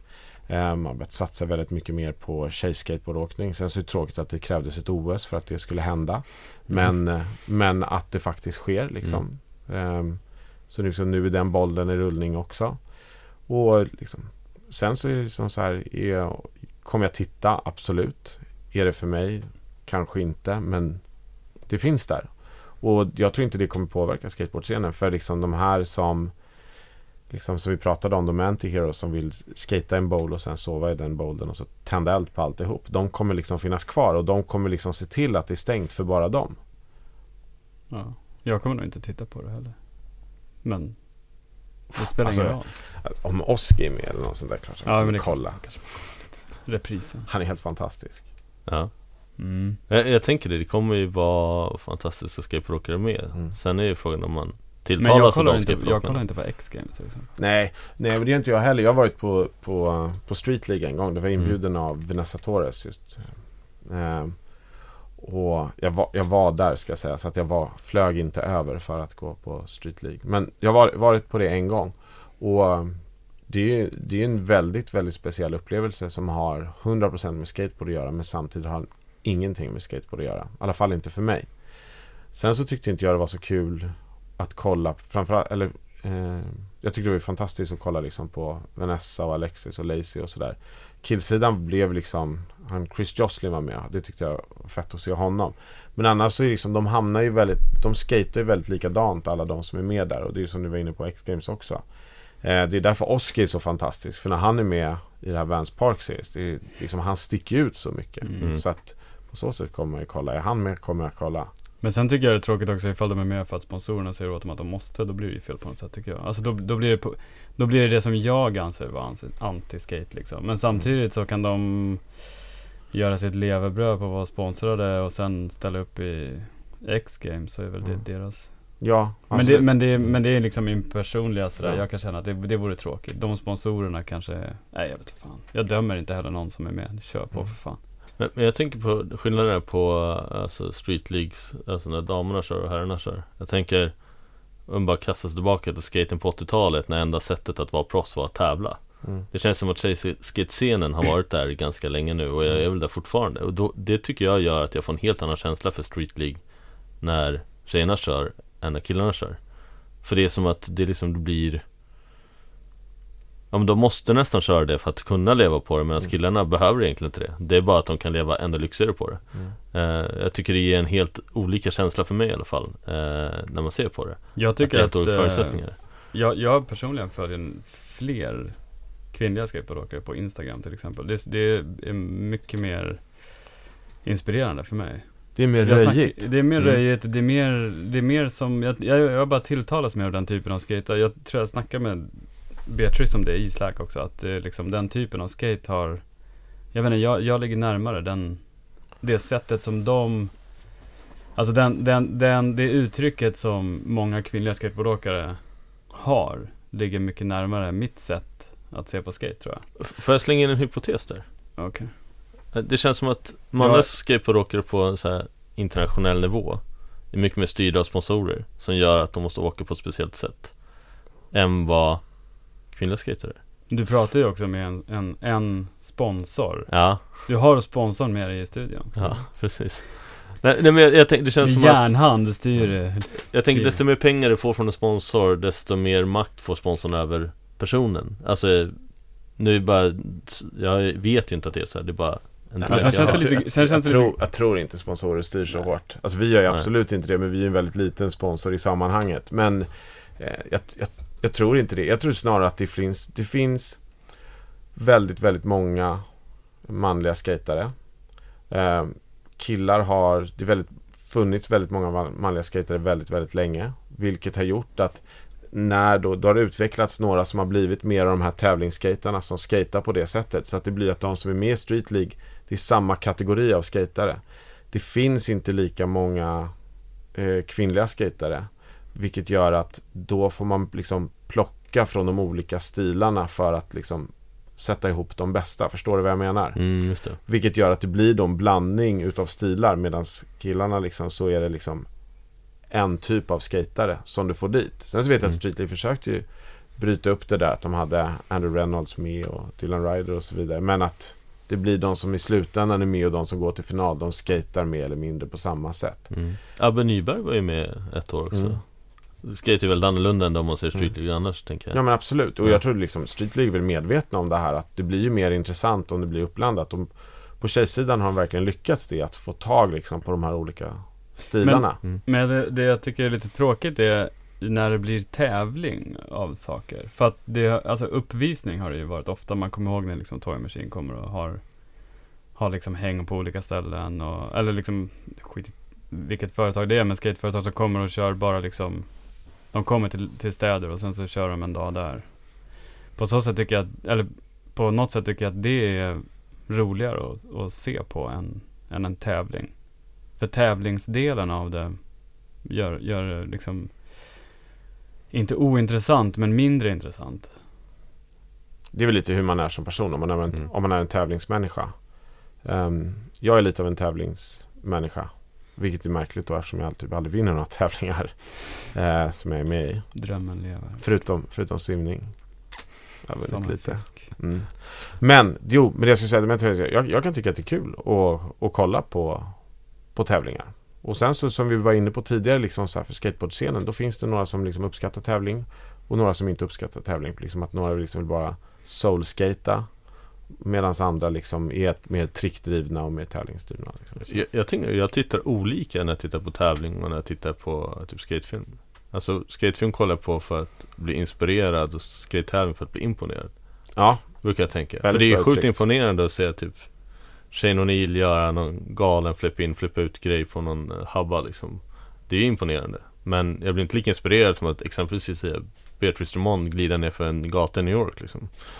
Mm. Eh, jag, jag tänkte vi ska glida in på eh, en annan. Jag har eh, en annan tanke här. Ehm, det känns ju ofta som att man eh, har bilden av att man skateboardåkare är kreativa, innovatörer, kreatörer på olika sätt och entreprenörer. Och hur upplever ni, vilka beröringspunkter ser ni mellan skateboard och att bli då entreprenör, kreatör eller innovatör på något sätt? Eller är det bara slump? Eller vad, hur ser ni på det? Jag tror inte att det är en slump.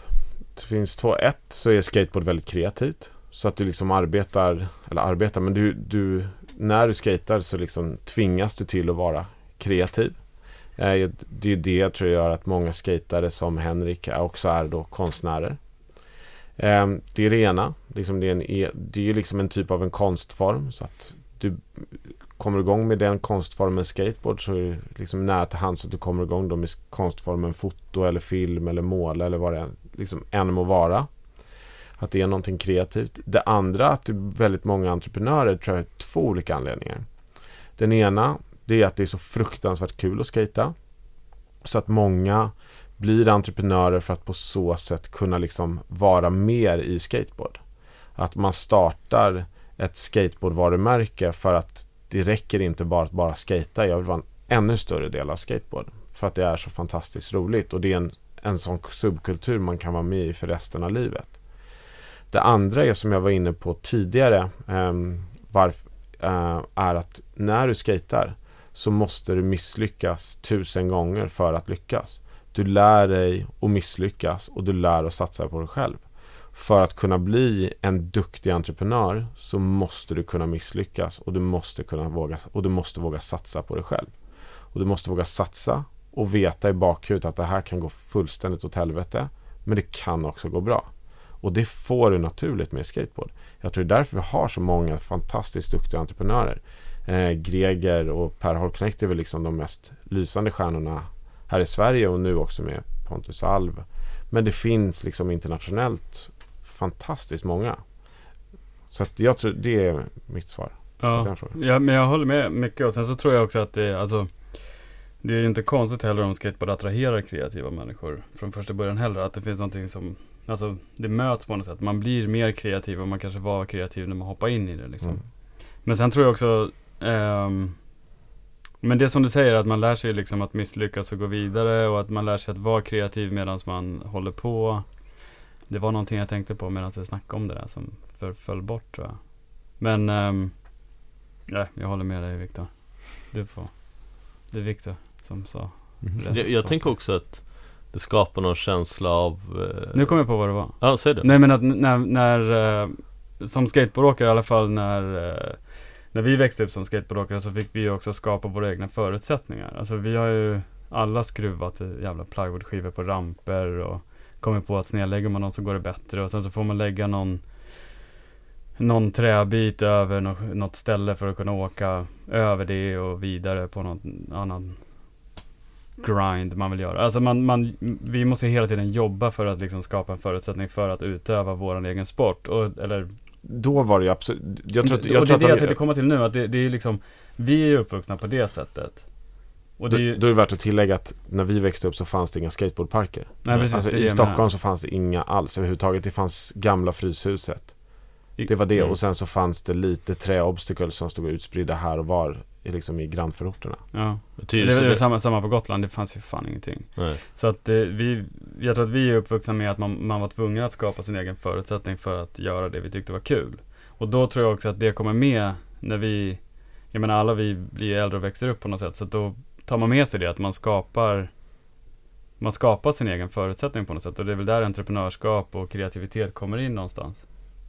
Jag tänker där också eh, jag, jag har ingen riktig tanke än om hur det ser ut idag och vad som händer framåt Men jag, jag har precis samma upplevelse just att man skapar sina egna förutsättningar och att Bra eller dåligt Vi tog ställen i anspråk Mm. Alltså att vi I mitt eget fall vi hade hittade en eh, husgrund som var obebyggd i Tyresö där jag växte upp Som var typ 1000 kvadrat. Och där byggde vi en hel egen skatepark i trä.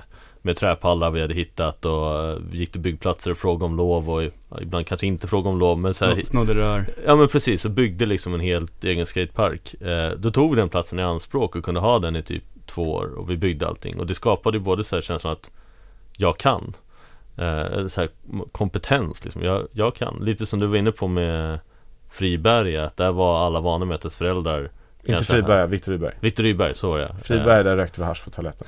Just det.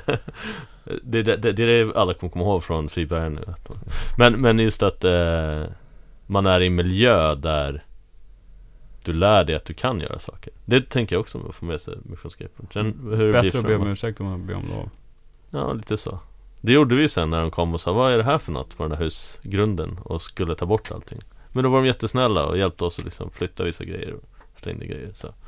Eh, Har ni några fler tankar kring skateboard, entreprenörskap och kreativitet och, och Nej men det ska bli väldigt kul att se hur det ser ut om tio år just i den, alltså i det facket, entreprenörskapsfacket eller liksom den För att nu finns det ju mycket mer förutsättningar för att eh, utöva skateboard utan att bygga sin egen park liksom. mm. Så Ja, det den ska- finns ju där nu liksom Mm. Men det kan åka- stimulera en helt annan typ av kreativitet också. Och det är det jag tycker ska bli jävligt intressant att se hur det liksom ter sig. Ja, ja för, För det vi kan ju tänk, inte vara, vi kan ju liksom inte vara så här den enda generationen som som, som är kreativa skateboardåkare på något sätt. Det vore ju skitkonstigt. Men jag tänkte för kreativa finns ju fortfarande själva åkandet Mm. Även exakt. fast en skatepark kan ju bli någon slags endimensionell funktion i och för sig För att den är ganska låst Jämfört åker, med De åker inte bara i en skatepark, Nej, de åker i precis. flera olika skateparker och så kör man ju street fortfarande och sådär. Ja. Så kan man ju också hitta på egna sätt att åka i skateparker. Så Ja. jag tror att det, det är liksom Det finns där liksom Ja men vi bor ju i Sverige, vi måste ju åka skatepark för att få alltså kunna åka året runt liksom. Ja. Så att det, jag tror att det är ofrånkomligt. Och där, det är väl där kreativiteten kickar in, hur man utövar, alltså hur, hur vi åker i parkerna liksom. Ja, precis Men det ska ändå bli jävligt kul att se om 10-15 år vad som Jag är väldigt nöjd med mitt svar så att jag tycker att vi vänder blad nu. Ja nu Ja, vänder att vi- vi allt, vänder allt jag lägger till nu kommer bli dåligt. Ja men det klipper de bort Ja. efter. Ja, vi, vi vänder blad eh, Vi ska avrunda tänker jag och eh, Jag skulle vilja höra Vad ni vill behålla, dumpa och addera i skatescenen idag Alltså det... Dumpa... Om någon har kassattityd så kan de väl dumpa den. Ja, nej men... Alltså, jag, det är ju på väg men jag skulle liksom vilja att det blev eh, ännu mer välkomnande än vad det är idag. Att eh,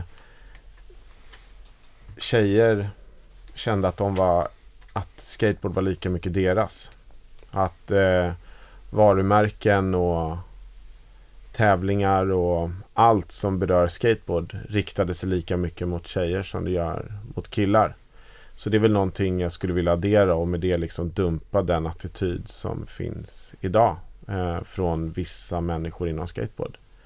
Det håller jag med om, men där tycker jag också att man ser en positiv trend. Jo men det är absolut en är positiv jävligt trend. Så att det, vi, är, på- vi är på väg i rätt riktning men jag skulle vilja att, liksom, precis som mycket annat, att det gick fortare. Mm. det, men absolut, vi är på rätt väg. Ehm, sen så är det lätt för oss som två eh, vita snubbar och bara, pff, alltså det är på rätt väg här. Ja. När vi liksom inte lever i det själva. Så att Mm. även om det kanske är på rätt väg så kanske det går alldeles för långsamt. Jag vet inte. Jag önskar bara att Det är klart det går för långsamt. jag önskar att det var eh, att det var här nu. Jag, jag, jag tänker ofta på, för, för det blir någonstans De som styrs industrin och skatescenen fortfarande är ju fortfarande typ vita män Och så tänker jag på något, ett begrepp som är mosquito bites Alltså att vita män då, de kanske, om man ser eh, varje mosquito bite, alltså ett myggbett Som någon slags form av kränkning eller friktion. Och om de då har en mygga som kommer och hugger dem någon gång och biter dem Då viftar de bort den, det är väl lite jobbigt i stunden. Men om det är en grupp som är Alltså kanske ligger utanför normen och som inte riktigt är där Då kanske du har hundra sådana här myggbett Som hugger dig hela tiden. Och jag tänker att det blir svårt att så här, relatera för den som bara har ett myggbett Mot de som har hundra myggbett Att det kanske påverkar hur scenen Att, den, det, att det går långsamt liksom att, Därför är väl stolta skateboardåkare viktigt liksom. En svärm Eller hur? kommer. En svärm som sticker Ja, Ja, men ju, mer, ju mer det normaliseras ju mer självklart blir det att det blir en norm. Att, att i varje skateboardteam eller liksom var, varje varumärke som på något sätt riktar sig mot skateboard och bestämmer sig att ha ambassadörer. Att det, det är självklart att det ska lika, vara lika mycket tjejer som killar. Så liksom det, tar den normen fart så spelar det ingen roll om du är en vit man eller en eh, färgad kvinna. Alla måste liksom följa den normen om det är den normen man vill se. Mm. Men jag tänker på en grej, som- vi ska eh, avsluta men jag tänker på en grej som Axel Lindqvist sa när han var med Att när han växte upp Då var det liksom coolt om ett märke hade en eller två tjejer på teamet Och då hade de liksom gått ganska långt Mm. Och när han växte upp, det är ju snart 15 år sedan eller något sånt där Som det utspelar sig. Och en reflektion då är att det ser ungefär likadant ut idag Som då när det gäller teamen. Det händer en del Eh, de får, det blir mer utrymme för eh, liksom, andra grupper. Men det är fortfarande, teamen är ju fortfarande ganska låsta i att det är ett gäng snubbar, så kanske en tjej.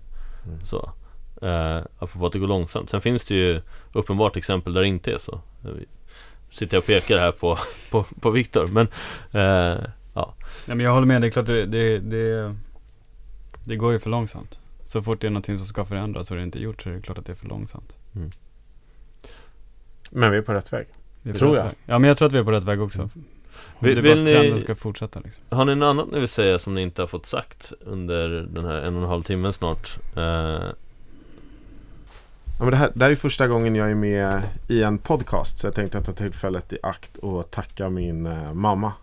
Had, om det, jag hade aldrig varit där jag är idag om det inte vore för min mamma. Hon är fantastisk. Jag önskar att alla i hela världen fick ha en mamma som min mamma. Det var det jag skulle, det var mitt tillägg. Ja men det var det. Du vet, Men det man tycker jag är bra. Jag, kan, jag då, eh, skulle jag också vilja säga tack till mina föräldrar såklart och min brorsa. En, ett ypperligt stöd på alla sätt Mm. har de varit under min uppväxt. Vad ska vi Ja. prata om nu? Nej men jag tycker det, du vet så här, liksom, jag har aldrig varit med i en podcast förut och jag vet inte om jag någonsin kommer få vara med i en podcast igen. Många. Tror du? Mm. Jag hoppas det. Det var ju kul. Det var kul. Tack för att vi kom. Tack för att du men, komma, det var väldigt kul. men det, det, det jag, jag tycker att det är liksom så här, det är ett ypperligt tillfälle liksom när, för jag inbillar mig att min mamma kommer lyssna så att hon bara förstår hur mycket hon har betytt för mig. Alltså hela min familj har betytt mycket för mig. Men mamma har verkligen dragit ett tungt jäkla lass med mig. Jag var liksom strulig som kid och hon har ändå liksom alltid varit där. På ett sätt liksom så här. Absolut hela min familj, men min mamma. Jag, jag, jag säger hela min familj. Ja. Men jag kommer också, mina föräldrar bor fortfarande ihop och, och sådär. Så att jag behöver inte lyfta fram henne. Det är lite omodernt, eller? Ja men det är ganska omodernt, konservativt. Ja. Mycket konservativt. De är inte gifta i och för sig. Jag är inte döpt heller. Jag, jag har ju då, jag har precis eh, eh, träffat en, en ny tjej. Och hon har då två barn sedan tidigare. Och jag har då två killar från Afghanistan. Eh, som bor hemma hos mig. Så när vi flyttar ihop, vi blir liksom 700 the modern pers. family på Mm. anabola steroider. Om du och Luca flyttar in då också, Ja, då täcker vi in Då- asmånga. då har vi- Ja, hela det spektrat. löser Kan, kan vi se en svensk version av eh, den amerikanska serien Modern Family Mm. då? Där, Ungefär så. Mm. Fast på engelska, i Sverige? Mm. Eller textat på engelska? Nej men jag är ju engelskspråkig hemma. Jaha okej Så det, det kan vara både och då? Ja. Ja, vi har där i svenska och engelska. Ja. Och då kan man liksom att du kör lite mer den här men kan någon av dina tyska? Okej. Ja, jag har fått sagt, allt. Vem vill ni höra i podden här, härnäst? Har ni någon tanke på en person? Eller Ja. personer? Eller initiativ? Eller? Jag har rätt- många. Ja, kör! Jag skulle, eh, jag skulle tycka det var intressant att höra Thomas Lövgren som byggde upp Junkyard och Sweet. Som blev faktiskt någonting väldigt stort. Som byggde upp liksom ett team av skateboardåkare som kunde leva på skateboard. Liksom ett svenskt varumärke med svenska åkare som levde på det. Liksom, liksom så här, man skulle säga Junkyards uppgång och fall. Liksom under Thomas Lövgren. Alltså, Mm. Nu lever ju Junkyard i en andra våg liksom. Så de har inte fallit så. Det är inte det jag menade. Ehm, eh, jag skulle tycka det var intressant och med Bjärten som var på Sweet och startade Sour. Kanske i kombination med Thomas Botved som har startat Poetic. De två varumärkena Sour och Poetic har ju växt upp ungefär samtidigt. Har två helt olika riktningar men båda liksom får Går väldigt, väldigt bra internationellt och får en bra respons av olika anledningar. Eh, de två skulle jag höra. Pontus Alf skulle man ju vilja höra med Polar.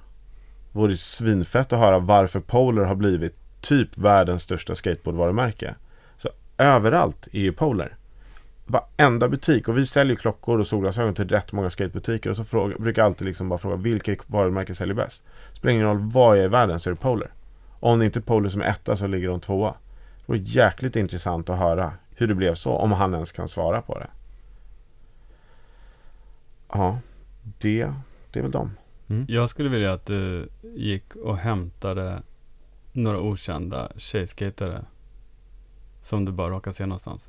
Mm. Och höra hur de ser på saker och ting inom skateboarden. Ja, hon, och sen också hon, eh, vad heter hon, Katarina?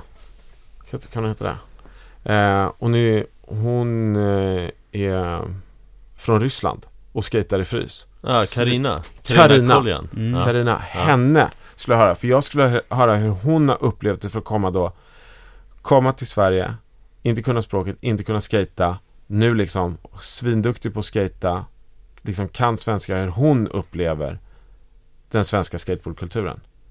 Det vore riktigt intressant. Mm. Okej Har ni några fler? Jerry Sue. Jerry Sue Mm. Kan du ordna det? Jerry Sue. Nej, det, ja, nej, det kan jag inte. Eller okej, jag kan, men jag kan Jag vill höra inte. Elisa Steamer också.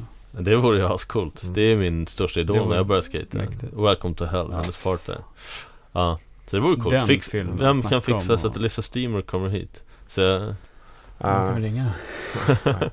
Men Nej. Beatrice och Vanessa kanske kommer hit. Ja, Under Lazy hösten Baker eller under våren. Lazy Baker. Ja, Lizzie Baker och Vanessa. Det vore ju ascoolt att ha med någon ja, dem. Ja, Beatrice, ska hon komma? Mm. Ja, hon kanske. Hon älskar ju Sverige. Mm. Kanske. Coolt, vi, vi återkommer till det då. Men eh, tack så jättemycket för att ni var med. Tack själv Det eh, känns jättekul. Tack. Så får ni ha en fortsatt fin dag. Detsamma. Detsamma, ha det så gott. Hej.